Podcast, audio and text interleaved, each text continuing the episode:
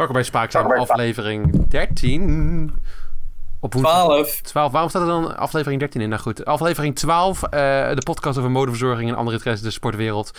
In het document staat 12, in de titel staat 13, altijd heel fijn. Tegenover mij zit niemand. Nou ja, eigenlijk wel, want jullie zitten met jullie webcams op mijn scherm en ik zit er recht tegenover.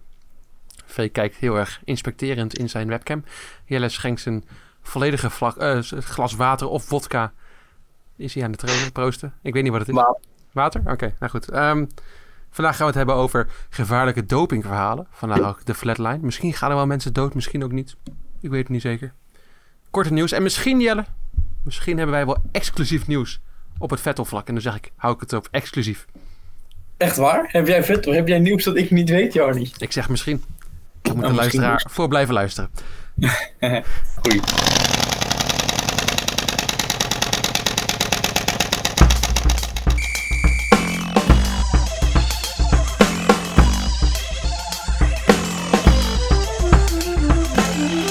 Zijn er ontwikkelingen in jullie? Hoe gaat het met jullie? Zijn er ontwikkelingen daarin in het coronatijdperk? Of uh, gaat het nog steeds uh, normaal? Gewoon, uh, nou, ik heb vandaag een stukje gefietst. Echt waar? Voor de Tour de Hollande? Ja, in het, ja een trainingje. Mm. Maar dan gewoon op de, op de, op de open fiets. En, ehm, en dan ben ik door Noordwijk gefietst. Maar er zijn dus gewoon dingen veranderd. We hebben nieuwe bushokjes. Oh.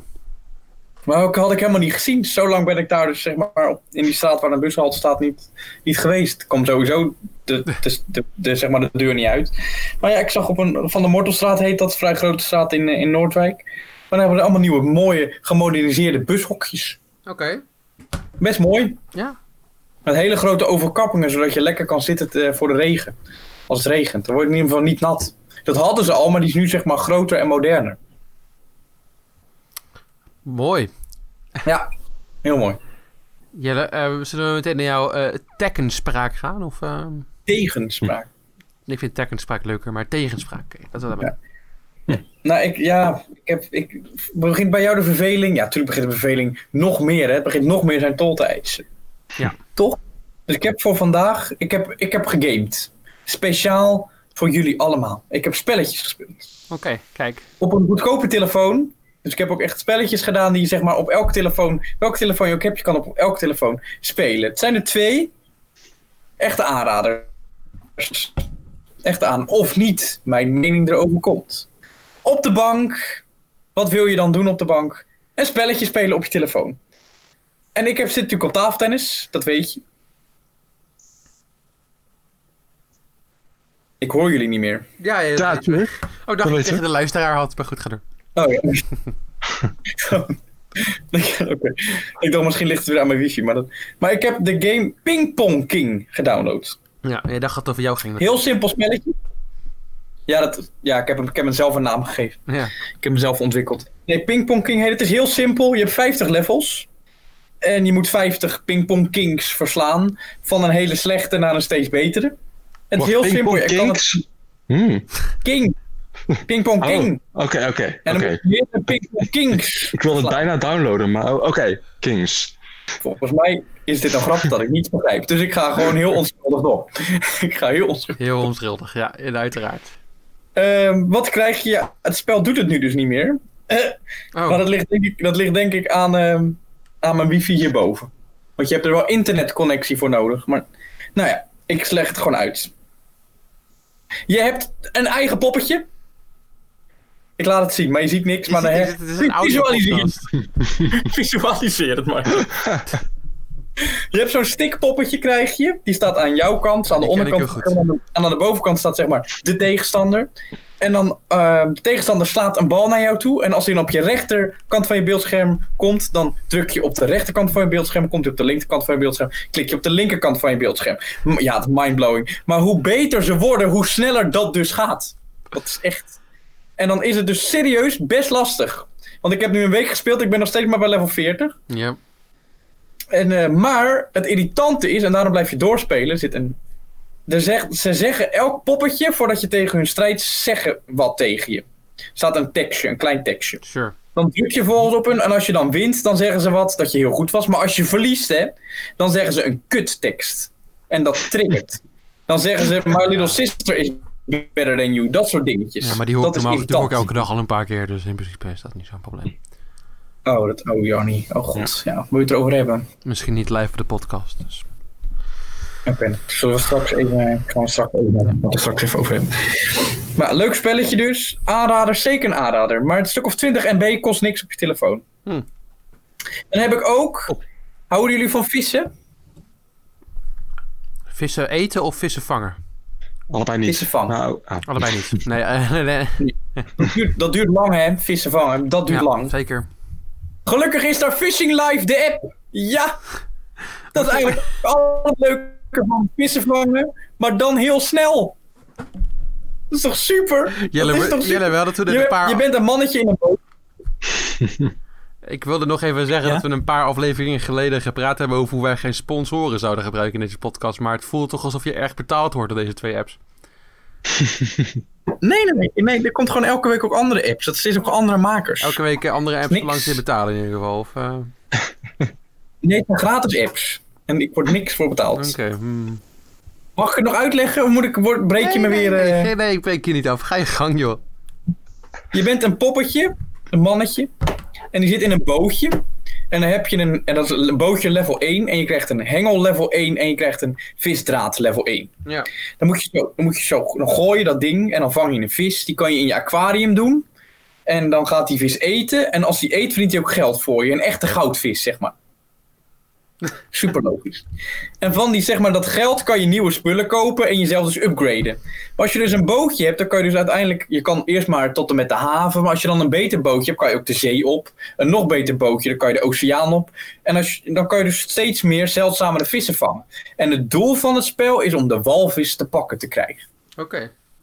Maar zover ben ik nog niet. Ik heb nu ongeveer de grootte van een snoek, heb ik, level 5.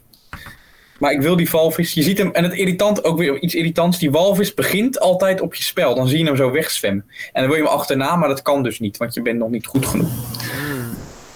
Fishing Live, de app. Ah, Iets minder aanrader, maar wel leuk. Oké. Minder leuk dan Ping Pong Kings. Ja, dat, nee, Ping Pong King. Kinks. King. Kink. Zijn ze naar Ferrari en Ricciardo naar McLaren, Jarni? Heb je het nieuws gehoord? Ik heb het nieuws uiteraard gevolgd. Dat is het enige wat ik doe. En daarmee kom ik op ons spel, want daar is één vraag van ons spel eh, beantwoord. Zeker. En dat is de vraag, wie gaat Vettel opvolgen bij Ferrari? Daar hebben wij op ingezet, de puntjes. En er zijn op dit moment, dus, dus natuurlijk twee vragen, een voorlopige tussenstand. Jarni, Ja? jij hebt 60 punten op Science ingezet. Oeh. Dus je hebt nog 60 punten over. Freek, weet je nog hoeveel punten jij op Science had ingezet? Dat weet ik niet meer. Nee. Nul. Ah, kijk. Nee. Ja, jij, jij ging vol voor Bottas. Ja. Ja, tot op het laatste moment was het spannend. Wordt het nou Sainz of wordt het Bottas? Maar het is toch Sainz geworden. Het Sorry. was heel spannend, zeker. Ja. Ja, maar, eh, en ik heb ook 60 punten nog. Ik had ook Sainz. Freek, jij kan alleen nog winnen als Vettel stopt. Dan Komt wel goed dus. Want Ja. dat en ik. Sorry, allebei komt wel goed. Wat bedoel je daarmee te zeggen? Nou, het een of ander komt wel goed. niet. Ja, het- als, als hij stopt, uh, Jannie. Het kan Gaat hij maar niet stoppen. Nou, hij gaat niet stoppen. Maar wat vind jij van de Sainz naar Ferrari en Ricciardo naar McLaren? Jouw Eh, mening. Ik wil jullie, jullie mening. Mijn ongefilterde mening? Ja, Science is een veilige optie, is saai. Het, het, het is, eh, is een knappe jongeman, dat wel, dat kunnen we wel zeggen. Maar eh, dat is ook het enige wat hij overeenkomt met Leclerc. Niet zijn snelheid in ieder geval. Nee, denk jij niet? Nee, Sainz is aangenomen om lekker saai te gaan doen. Lekker de B-rijdersrol te, te gaan doen. En ja, misschien eh, pakt hij af en toe een raceje mee. Zoals- Zoals Barrichello en andere nummer 2's voor hem meegedaan hebben. Maar Leclerc is het gouden mannetje. En ook tegenwoordig Giorgio Armani, ambassadeur. Ja, dat heb ik gezien. Dat heb jij maar laten zien. Past wel bij Giorgio Armani anders. Ja, het past zeker bij hem. Maar er zat wel een hele lelijke foto tussen. Ja, die, dat is de hele zwarte foto. Dat vond jij niet mooi. Ja, dan wordt het een beetje zo'n maffiabaasje. Ja, zo'n het zo. Napolitano. Hmm, Niet zo mooi. Misschien is Leclerc dat ook wel. Dat weet je niet. Freek, wat vond jij? Kwam het voor jou zo'n shock? Ja, het, het, het- nou, een beetje wel natuurlijk. Ja, want het, had wel, het had wel beter gekund. Maar ja, we moeten het er maar mee doen. Kijk, Ricardo naar, naar Ferrari zou leuker zijn als spectator. Maar Ricardo naar McLaren is natuurlijk wel... Uh, ja, is flauw. Vooral omdat... Uh, ja, die, vent gaat die vent gaat 35 miljoen verdienen. Dat gaat toch helemaal nergens over? Nee, maar Ricardo verdient dat hele geld helemaal niet. En Ricardo had, had, had al geïnvesteerd bij Renault om dat team te gaan herbouwen. En dan heeft hij één jaar door dat het niet lekker loopt. En dan denkt hij meteen, nou fuck it, ik ga ergens anders geld vangen. Ja. Dat zegt ook wel een beetje genoeg misschien over Ricardo's karakter. En ik word steeds minder fan van die jongen. Ja, dat heb ik ook. Ik, ik heb laatst een foto van hem opgezocht. Ja. Voor de, nou, en ik, had, en ik werd er een beetje zagrijnig van toen ik zijn gezicht zag. Hmm. En dat, is uh, iedereen oké. en dat was altijd, en ik vond hem altijd ook wel grappig, maar ik heb nu zoiets van ja, nee, te ik veel. Ik had dus uh, Drive to Survive gekeken voor het eerst. Die Formule 1 serie op Netflix, echt een aanrader. Uh, maar in die serie komt hmm. Ricardo ook wel een beetje als een beetje een eikeltje over soms hoor. Hoe, ja? hoe een beetje ja, flauw die is. Hij, hij wist al dat hij een beetje kinderachtig Dat is misschien soms wel charmant, een beetje leuk. Maar ik vond het toen bij Renault een beetje vervelend tegen Hulkenberg soms ook. Dat je denkt, van, het komt een beetje als een beetje een eikelig, pestkopperig over hm. soms. Oh. Ik denk, nou, moet dat nou echt, uh, dat soort opmerkingen? Ja, het waren niet echt rare opmerkingen, maar het is gewoon de manier waarop je ermee omging, vond ik. Uh, ja.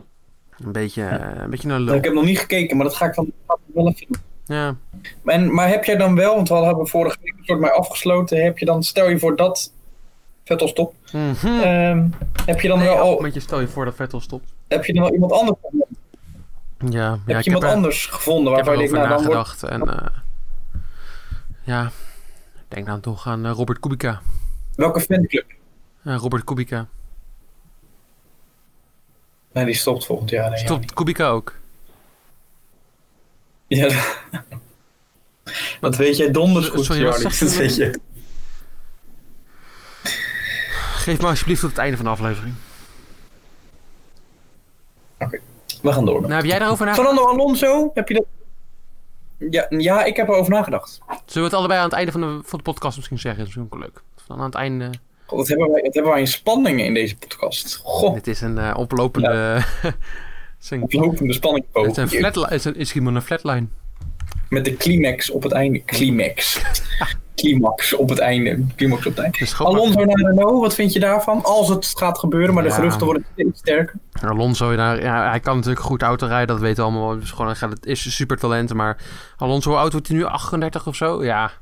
Geef nou gewoon een jonge jongen daar de kans. Of Loengaard ja, of, of Zoe. Loengaard of Zoe zo misschien? Ja, zo. Ja. Ja, ja. Ik denk eerder die twee. Want als je, als je Renault... Wat, wat, wat nou met de Chinees? Nou, nou, dat gaan we niet zeggen op deze podcast. Dat gaan we weer piepen, uh, in ieder geval. Uh, dus, maar, uh, nee, maar kijk, Loenkaart kan best wel goed autorijden. Zoe ook trouwens. En kijk, Alonso, het enige wat hij met zich mee gaat brengen... is dat hij dan misschien een paar races gaat zeggen... oh, we kunnen vechten jongens met elkaar. En dan is er één slechte race tussen. En dan gaat hij weer zagrijnig doen. En dan gaat hij weer mopperen. En... Maar het kan Renault wel, wel redden als marketingverhaal. Dat er zo'n goede rijder terug wil komen naar Renault. Ja, maar die gaat er een jaartje meedoen. Die vond bij McLaren wilde dit toch ook weg omdat het een middenbak Ja, maar dan kunnen ze stoppen. Dan kan Renault stoppen. Dan hebben ze in ieder geval een jaar of twee jaar hebben ze een goede coureur gehad die terug naar wilde komen. Dan kunnen ze komen. Het wordt toch niks ja, meer. Ja, maar dat weet je niet of het niet. Misschien loopt het nog op, maar dat, ik denk niet dat als... Geloof je het zelf? Nee, maar misschien geloof ik het niet. Maar misschien als, als, als zolang Abiteboel het maar gelooft, dan... Uh, dan, uh, ja, maar, maar, ik, ik, geloof jij nou echt dat ze met Alonso meer kans hebben om het team op te bouwen dan met de jongere gast? Ik denk het niet. Nee, maar ik geloof dat... Ik denk dat Renault wil stoppen. Dat hoor ik uit meerdere circuits en van meerdere mannetjes. Sure. Dus ik denk dat het enige wat dan... Als Renault nu stopt, dan hebben ze geen... Dan hebben ze flater geslagen. Hebben ze het nooit gered. En wie koopt er nog een Renault Clio voor op de weg? Niemand vertrouwt want ze vallen alleen maar uit in de Formule 1. Dus het enige wat ze nog kunnen doen is Fernando Alonso terughalen. Marketing in kunnen zetten door te zeggen: Goh, tweevoudig wereldkampioen. Die wil gewoon terugkomen naar ons team. Hoe goed we zijn, hoe goed we zijn. Je geeft hem een paar miljoen. Hij gaat een paar filmpjes maken waarin hij Renault Clio rijdt. Helemaal fantastisch aan de top. En ze stoppen ermee. En dan hebben ze in ieder geval een, een goed einde ja, gehad. Ja, ja.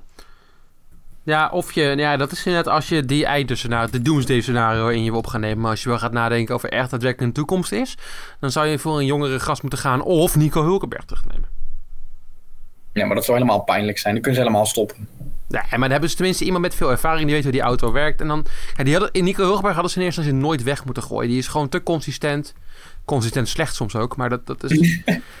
maar in ieder geval wel goed genoeg om die top 10 te rijden constant. En dat kan je naast Ocon zeggen. Zetten, een beetje Ocon een beetje leren rijden. Ocon de, de, de, de Formule 1 laten leren kennen. Ook al kent hij het al een beetje, maar in ieder geval beter leren kennen. Zodat Ocon uh, samen met Renault de toekomst in kan gaan. Dat, nee.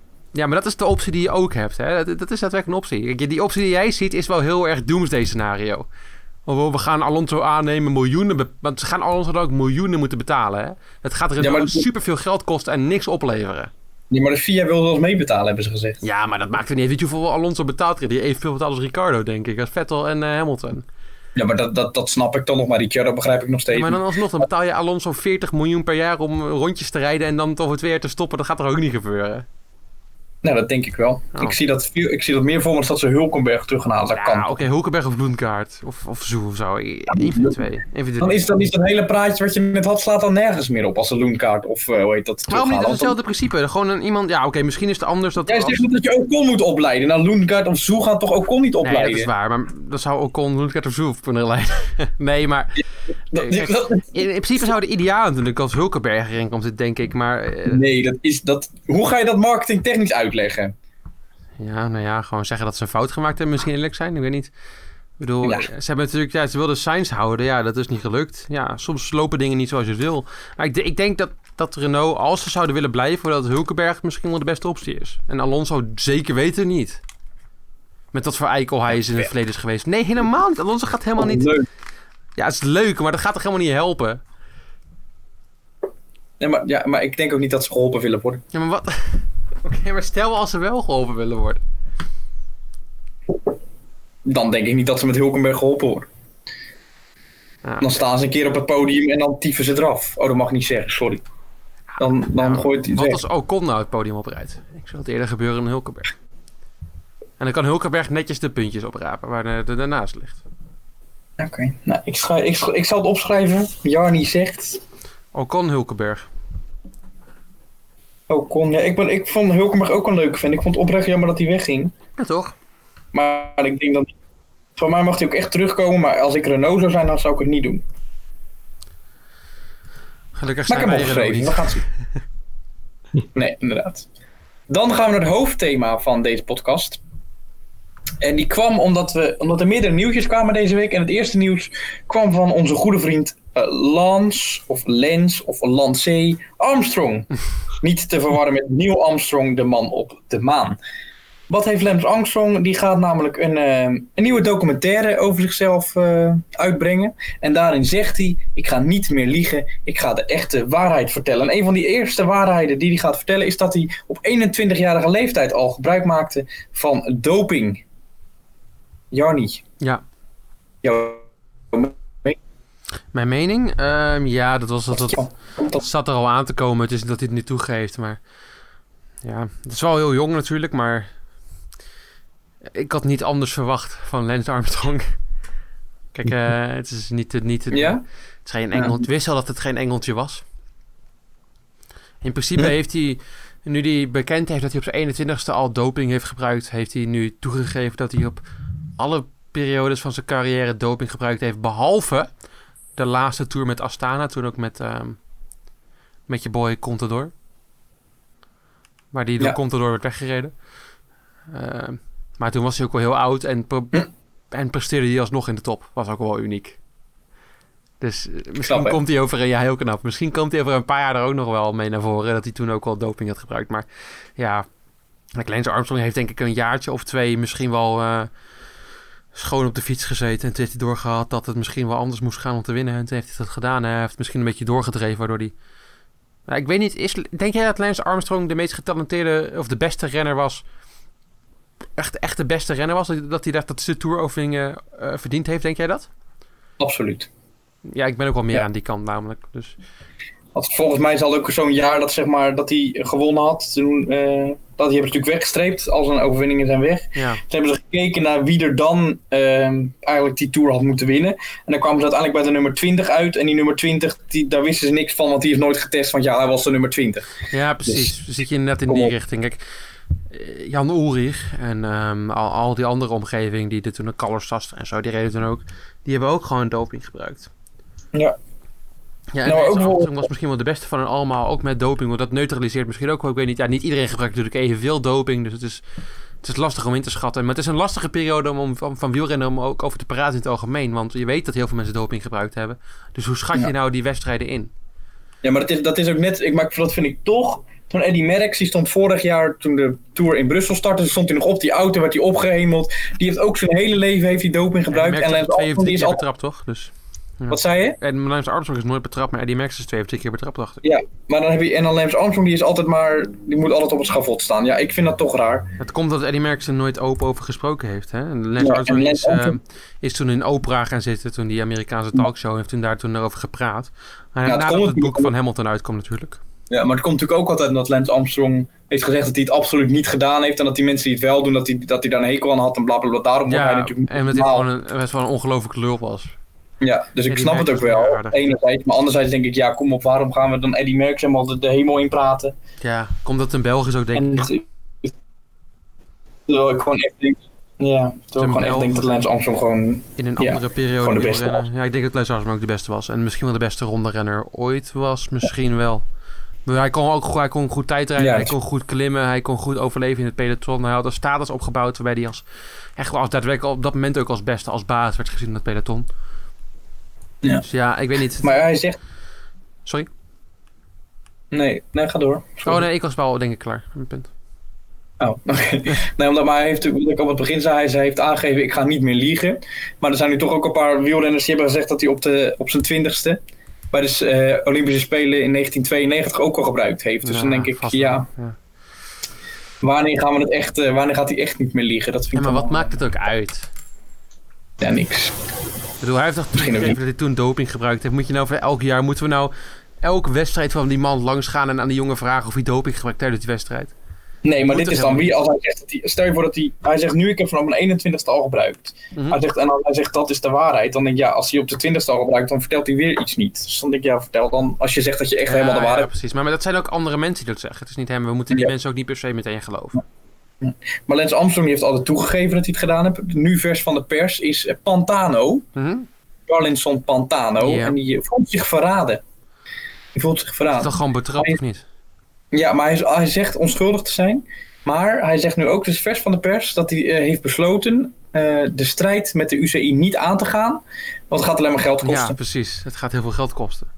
Ja, maar hij voelt zich verraden. Net als Frank Slek heeft iemand het waarschijnlijk in zijn drankje gedaan. Oh ja. Hij heeft er zelf niks mee te maken. Niks. Slappe mannen zijn dat. Ja. Korte nieuws? Het korte nieuws. Jelle, de Formule 1 in Groot-Brittannië is in gevaar. En waarom denk je? De corona. In Groot-Brittannië is steeds ingevoerd dat als jij bijvoorbeeld uit uh, of naar Groot-Brittannië wil reizen of naar Groot-Brittannië, vanuit Groot-Brittannië naar een ander terug wil gaan, dan moet je twee weken in quarantaine zitten daar. Nou, dat zou met de reguliere planning van de Formule 1 niet werken. Dan, uh, het, nu wordt het heel krap. Dus zit het er misschien aan te komen dat een Silverstone toch niet doorgaat. Behalve als de Britse overheid dan zegt: Nou ja, die, die 100 mensen. Je kan wel juichen wat je wil, Jelle, maar dat is een onzin. Die, die, die als die 100 mensen uh, gewoon in, niet in quarantaine hoeven, ja. Ik weet het niet lastig om in te schatten. Maar jij, jij vindt het blij, ben blij dat uh, Silverstone niet doorgaat. Ik vind het zo'n rot circuit. Vreselijk circuit vind ik. Een prachtig circuit. Van die namen. Mackets en Beckett's. Als ik dat dan weer hoor, dan krijg ik rillingen lopen over mijn lijf. Corner, dat is mooi man. Dat hele circuit is prachtig. Ik was, dat is misschien wel mijn eerste favoriete circuit in de Formule 1. Nee. Ja. Nee, helemaal niks. Prachtig nee. circuit. Okay. 20 mei is het vandaag. 20 mei. En ik dacht, ik ga even terug in de tijd. Even twee keer kort nieuwtje. Want drie jaar geleden, weet je het nog, Jarni, dat wij voor de bank zaten naar de Giro 2017 te kijken. Wist jij dat? Weet zeker weten. En dat zeg maar Tom Dumoulin in een groepje zat met Landa, Quintana, Sakharin, die een paar keer weg waren gereden. Dumoulin steeds op eigen tempo weer terug kwam rijden. Uiteindelijk kwam er weer een groepje van vier. Sakharin, de topper dat hij is, die zet een sprint in, maar Dumoulin haalt hem terug en wint alsnog dat sprintje. Weet je dat nog? Uiteraard, uiteraard vandaag exact drie jaar geleden. Maar mm. als we het dan over Zakkarin hebben, toch wel een idool van mij, hè. Zakkarin. Die won vijf jaar geleden een Giro-etappe. Ja. Weet je dat ook nog? Op het, op het circuit weet ik, van... Dat weet ik niet meer. Oh, op het circuit van Ferrari, Enzo Ferrari. Weet je het nog? Ja. Oh.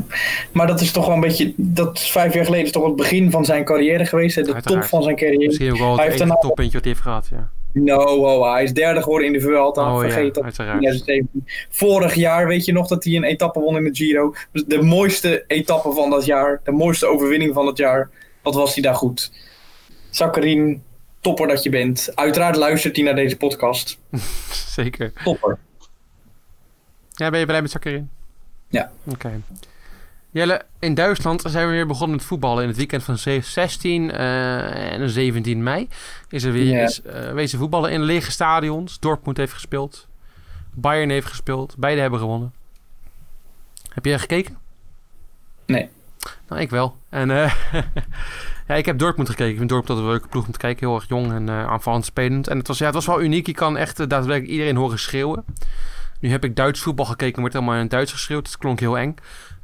maar ja, dat was wel... Ja, daar werd ook heel erg raar gevierd na het scoren van een doelpunt. Gingen ze een beetje in een hoekje te dansen en zo. Maar wel met anderhalf meter afstand. Ja, maar dat hebben zeker niet alle ploegen gedaan. Want ik heb ook al Duitsers gezien die elkaar meteen in de armen vloog. Ja, klopt. En die krijgen waarschijnlijk een boete. En dan zijn ze op het eind van de wedstrijd... Oh, het was wel heel moeilijk om dat niet te doen. Dan denk ik, ja, kom op. Maar het is wel leuk, want bij Dortmund hebben ze dat niet gedaan. Die hebben allemaal gewoon netjes anderhalf meter na elkaar. Elk doelpunt hebben ze... Gingen eentje het hoekje gaan dansen. En dan gingen de anderhalf meter gingen ze te klappen. Dat was heel raar om te zien. En dat was ook heel ongemakkelijk stil in het voetbalstaan. Dat was heel raar. Dat was, uh... Ja, maar ik heb wel gezien dat ze ook in andere ploegen dat ze zeg maar poppen hadden neergezet. Kartonnen poppen. Ja, zodat bij dat leek. zelfs sekspoppen.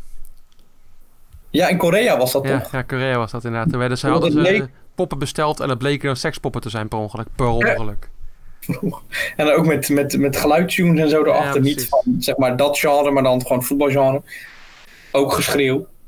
Maar uh, de... ja, ik vond, het wel, ja, ik vond het wel leuk bedacht, zeg maar. Dat je dan publiek had en dan dat het leek alsof er echt publiek zat. Er was heel veel kritiek op, ja. maar ik vond het wel leuk bedacht. Maar Louis van Gaal heeft er ook een leuke uitspraak over gehad trouwens. Hij zei nog dat het in zijn tijd toen hij uh, bij Barcelona was, dat, dat ze dat al deden.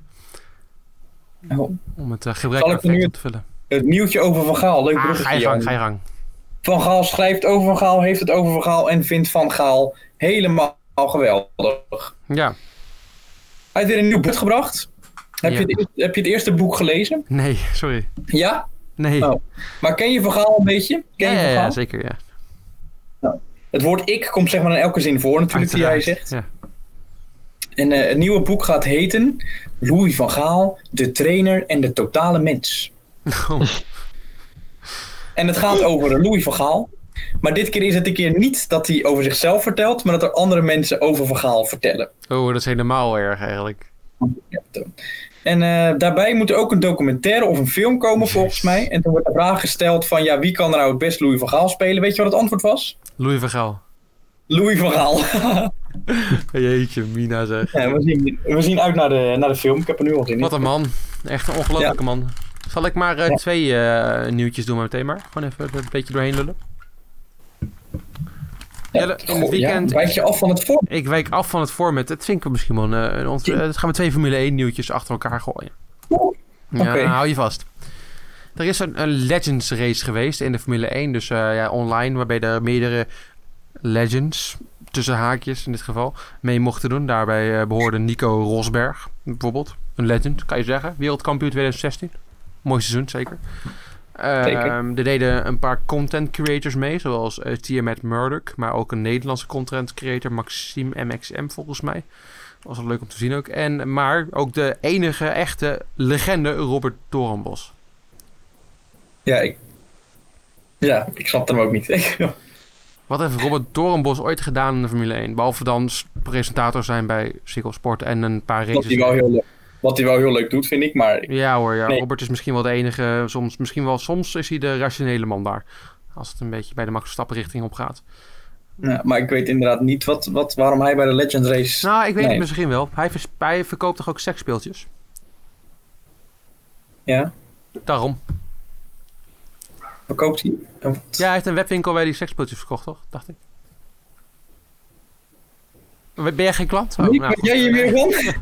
ik weet er opeens heel veel van. Dat klinkt ook heel raar eigenlijk. Maar goed, uh, ja. nee, maar Robert Dorenbos mag... Ik ga er snel overheen. Robert Dorenbos mag ook meedoen. Uh, de race is gewonnen door uh, TMF Marduk. Een, een Amerika... jeetje, Australische YouTuber. Ik word helemaal nerveus nu. Die YouTube-filmpjes maakt. Hij was ook veel sneller dan de rest. Wat wel opmerkelijk was, Robert Dorenbos na de start stuurde meteen op Nico Rosberg in. Dus ik ja, ik dacht, ik dacht, Ja, terwijl hij heel veel kritiek had geuit zeg maar, op de IndyCar toen, dat die vent uh, Noor Norris eraf tikte. Maar was dit expres of was er een fout? Ik denk dat, dat, dat wat ik ook wel eens gehad heb toen ik nog af en toe met mijn, met mijn wiel speelde of de Formule 1 speelde, dat je hem niet goed hebt ingesteld. En als je hem dan voor de race je wiel een, klas, een kwartslag draait per ongeluk, dan, doet dat, dan denkt het wiel dat dat de juiste rechte positie is. Dus daarom denk ik dat hij zo agressief instuurde, maar dat weet ik ook niet helemaal zeker. Ja, okay. ik had het over exclusief nieuws over Vettel. Oh ja, vertel. Ik heb alleen maar uh, onbetrouwbaar nieuws, maar ik heb wel een beetje nieuws. Oh, oh. Het spijt me luisteraars, maar er is wel wat. Er is niet iets geweldigs. Maar nou ja, er, is wel, er zijn een paar uitspraken afgelopen week van Toto Wolf geweest. En Toto Wolf die had telkens over de marketing potential van uh, Sepp Vettel. Een, uh, Duitse in de, een, een Duitse wagen, de Mercedes, zou natuurlijk voor dat merk wel goed zijn. Zeker. Nu is er vanmiddag een nieuwtje uitgekomen. Toen wij Formule 1 aan het spelen waren, met z'n tweeën, hadden we het opeens achtergekomen dat uh, de, de, een van de boardmembers van de Mercedes wel de, de, de beetje aan het pushen was om Vettel te krijgen bij Mercedes, maar dat Hamilton het niet graag wil. Dit wordt steeds uh, spannender daar bij Mercedes. Misschien gaan we er toch voor. Ja, ik hoop het. Ja, het wordt steeds, het wordt steeds meer over, uh, over neergezet. Maar ja, kunnen we die... Uh, ik, weet, ik weet niet precies welke journalist je wel kan... Want moet je welke je moet wantrouwen bij de Formule 1... en welke je wel kan vertrouwen. Dat weet ik niet helemaal zeker. Dus dat moet ik nog echt verder onderzoek op genoemd. Maar deze was volgens mij wel iets betrouwbaarder dan, dan in ieder geval niks. Dus um, ja.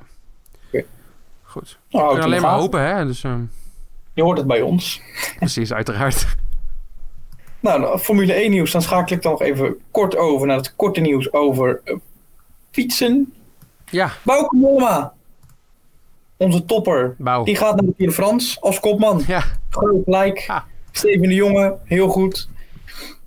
Um, dus daar samen met Poort, maar die gaat sowieso vallen. ja, zeker. Dus. Ze er wel vast gokken welke etappe. Hier onderuit. Um, dus. ah, dan, moeten we, nee, dan moeten we eigenlijk ja, pas doen dat we het uh, ja, hebben gezien. Hè? Misschien is dat handig. Ja, In onze gaan we dan, dat gaan we dan doen. Dat is een goeie. Ja.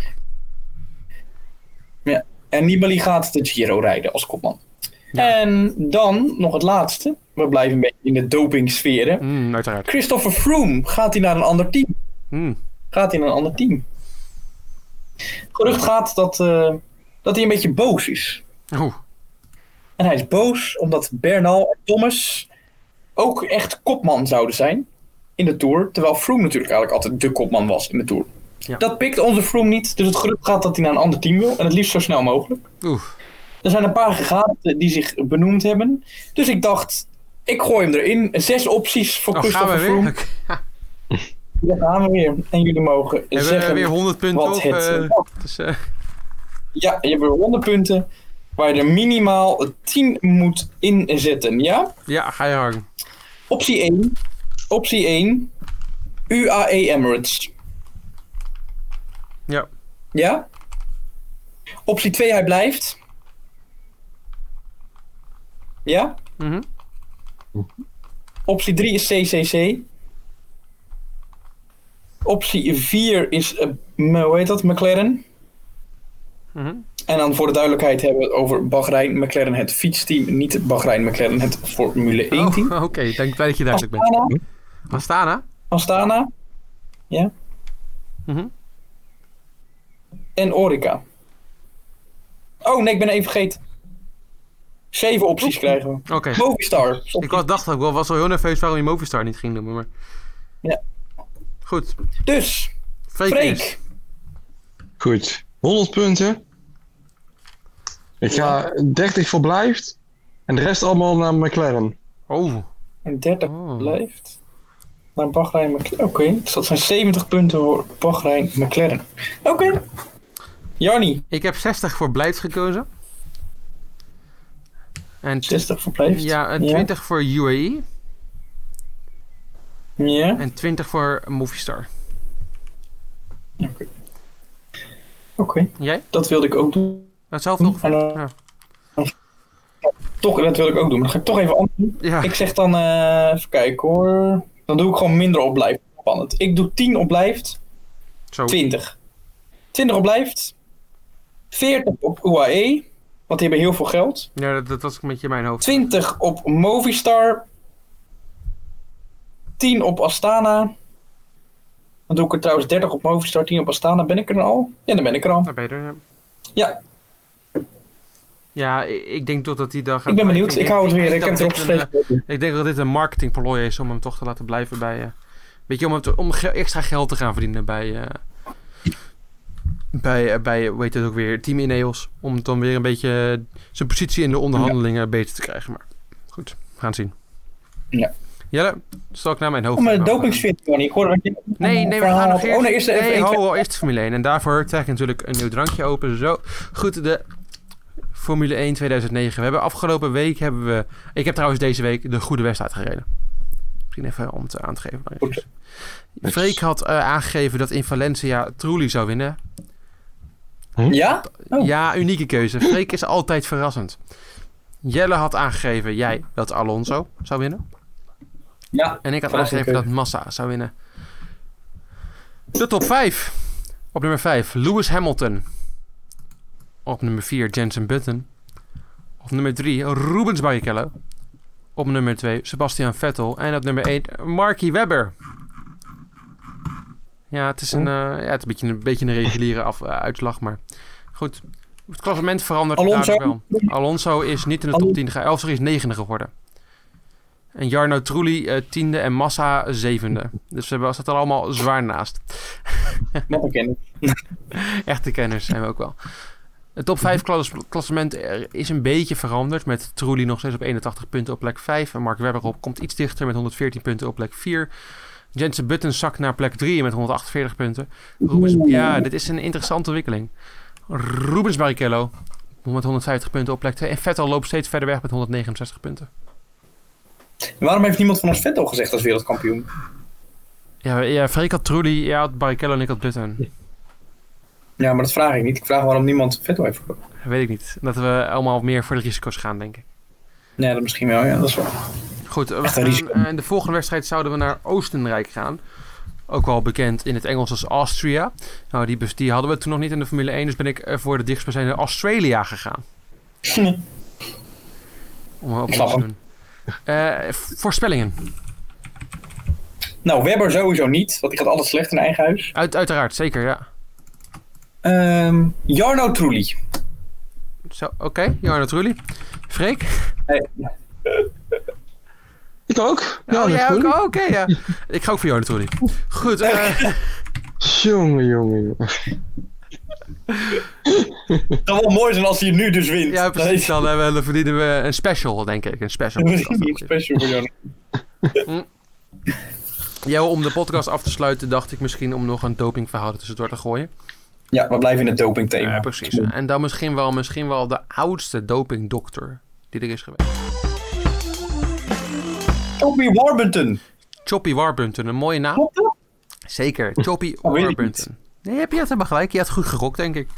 Ja. Hij staat ook heel erg bekend. Dat valt er eens mee, maar goed. Hm. nee, Choppy... ehm, ja, jij hebt vorige week natuurlijk ook nog even Alejandro Valverde behandeld. Of in ieder geval een tijdje geleden alweer. Ja. Met de bloedzakken met zijn hond erop. Ja, Ja, dat- twee weken geleden zeker over Twee weken volgens mij weer geleden, hè? ja, precies, over zijn hondje.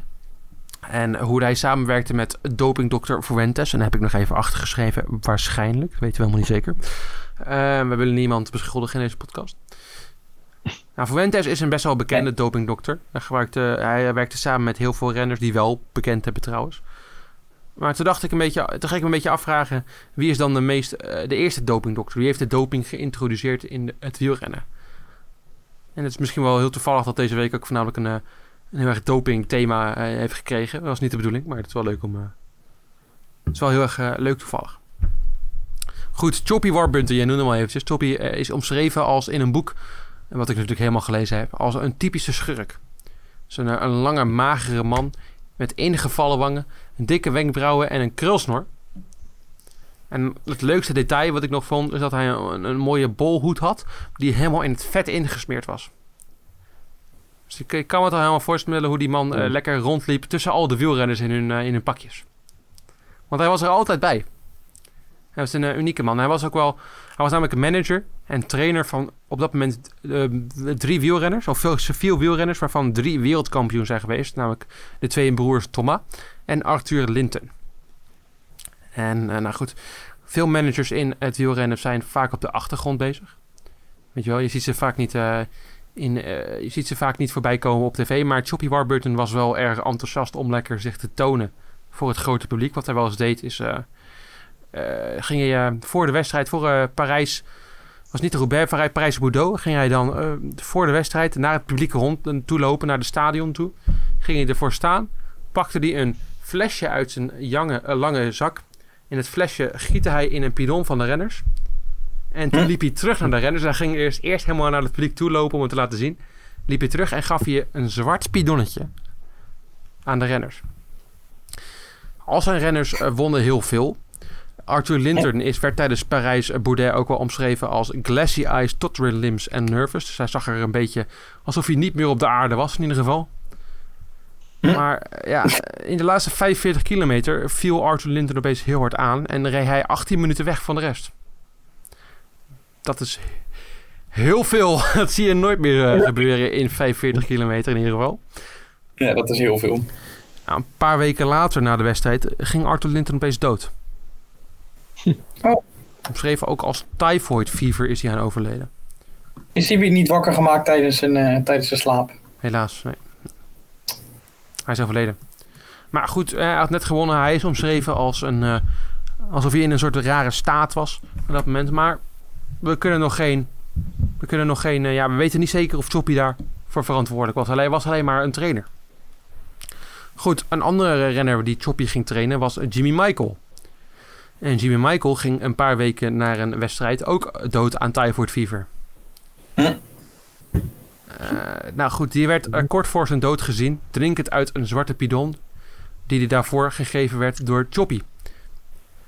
En kort voor zijn dood, een week ongeveer, gaf Michael Choppy ook aan bij de politie. En beschuldigde hem ook als aan van vergiftiging. Dus, ja, weet hem nooit zeker.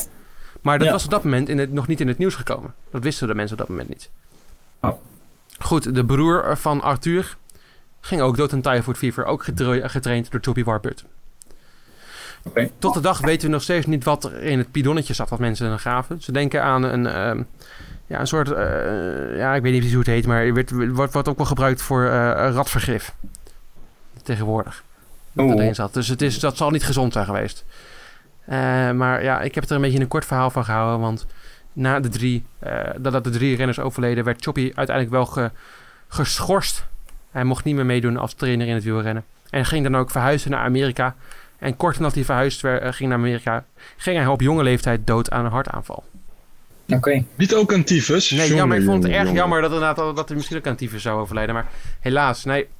Okay. Uh, maar hij was ook wel... Hij was, uh, Choppy was ook een atleet trouwens, op dat moment. En uh, gebruikte waarschijnlijk ook doping. Maar sindsdien, dit was namelijk begin 18, dit was laat 1800, 1890 ongeveer. sindsdien wordt, werd er doping gebruikt in het peloton en hij is de eerste geweest. Is hij een soort voorloper van uh, Michele Ferrari? Ja, je kan wel zeggen dat, uh, dat hij de introducee was van doping in het peloton, waardoor Michele Ferrari later misschien meer geavanceerd het werk kon toepassen. Ja, die heeft er nog wel een, een hoofdstuk aan toegevoegd, hè? Als je dan ziet welke cliënten Michel Ferrari heeft gehad, dat zijn er ook. Uh, Misschien is het uh, leuk om een podcastje, een tweede dopingpodcast te doen over de, de cliënten die Michelle Ferrari allemaal gehad heeft. nou, een paar uit mijn hoofd dan, zeg maar Lance Armstrong, ja. Vino Koeren volgens mij, daardoor komt ook een keer toe. Thomas Dekker ook, volgens mij. nog meer, Scarponi. Wat zei jij? Thomas Dekker ook, volgens mij. Ja? Mario Cipollini natuurlijk, Scarponi. Die hebben we nog gesproken. Fisco. Ja, maar ik weet nog wel zo'n. Ik weet nog dat hij zei uh, dat als een controle zeg maar niet uitwees dat er gebruikt is, dan is er ook niet gebruikt. Dus ook al heb ik zo wat ingespoten, als de, doop, als de controle het niet uitwijst, dan is het gewoon niet gebeurd. Nou, dat is ook zo toch? En het gerucht gaat ook dat die Froome, dat hij ook, hij is toch allemaal van Froome geweest? Uh, dat, ik bedoel, nee, niet van Froome, nee. nee Armstrong. Armstrong ook, ja. is hij ook heel lang. Volgens mij was het Ferrari of uh, Fuentes. Volgens mij was het Ferrari, volgens mij, ja, trouwens. Ja, ja voor mij was Ferrari, hè? Ja. weet ik niet helemaal zeker, moet ik even opzoeken, maar goed. Maar hoe oud is, uh, hoe, hoe, oud is Choppy Warburton zelf geworden, weet je dat? Nee, maar ik kan het wel even heel snel opzoeken. Uh, een mooi technical difficulty nummertje voor. Om het te plaatsen. Choppy Warburton is overleden in 1897. Dat is dan op ongeveer 47 e uh, is hij overleden. Dus, uh, Oeh, waaraan? Ook aan... Uh... Nee, een hartaanval, een hartaanval. Maar goed, dat kon ook wel door doping komen. Ik wil geen nou, dat is ook wel. Maar dat, uh, ja, dat is ook niet helemaal schoon volgens mij geweest. Maar tegenwoordig is het nee, wielrennen natuurlijk helemaal moest ook wat al eerder gezegd. Uiteraard, dat hopen we maar. Behalve Vroom. Goed, uh, ondertussen is... Uh, ondertussen heeft hij... Heeft Jelle, Jelle de podcast verlaten. Dus ben ik hier alleen nog maar het Freek. Ja, verschrikkelijk, hè? Het is niet waar ik ervoor getekend heb. Uh, goed. Snap ik. Ik dit is een beter moment voor het muziekje. Maar het is een beter moment voor het muziekje. Ja, wat de fuck was dat? Ik heb het eruit gehoord. Ik ben er weer. Uh, Oké. Okay. Goed, Jel, we hebben nu allemaal dopingverhalen besproken. Ja. Misschien is het leuk om uh, de podcast te beëindigen en uh, verder te gaan in deze coronawereld. Ja. Hopen op beter nieuws van Vettel, hopen op beter nieuws van wielrennen. Hopend op beter nieuws in het algemeen. Hopen. Hoop. Komt goed.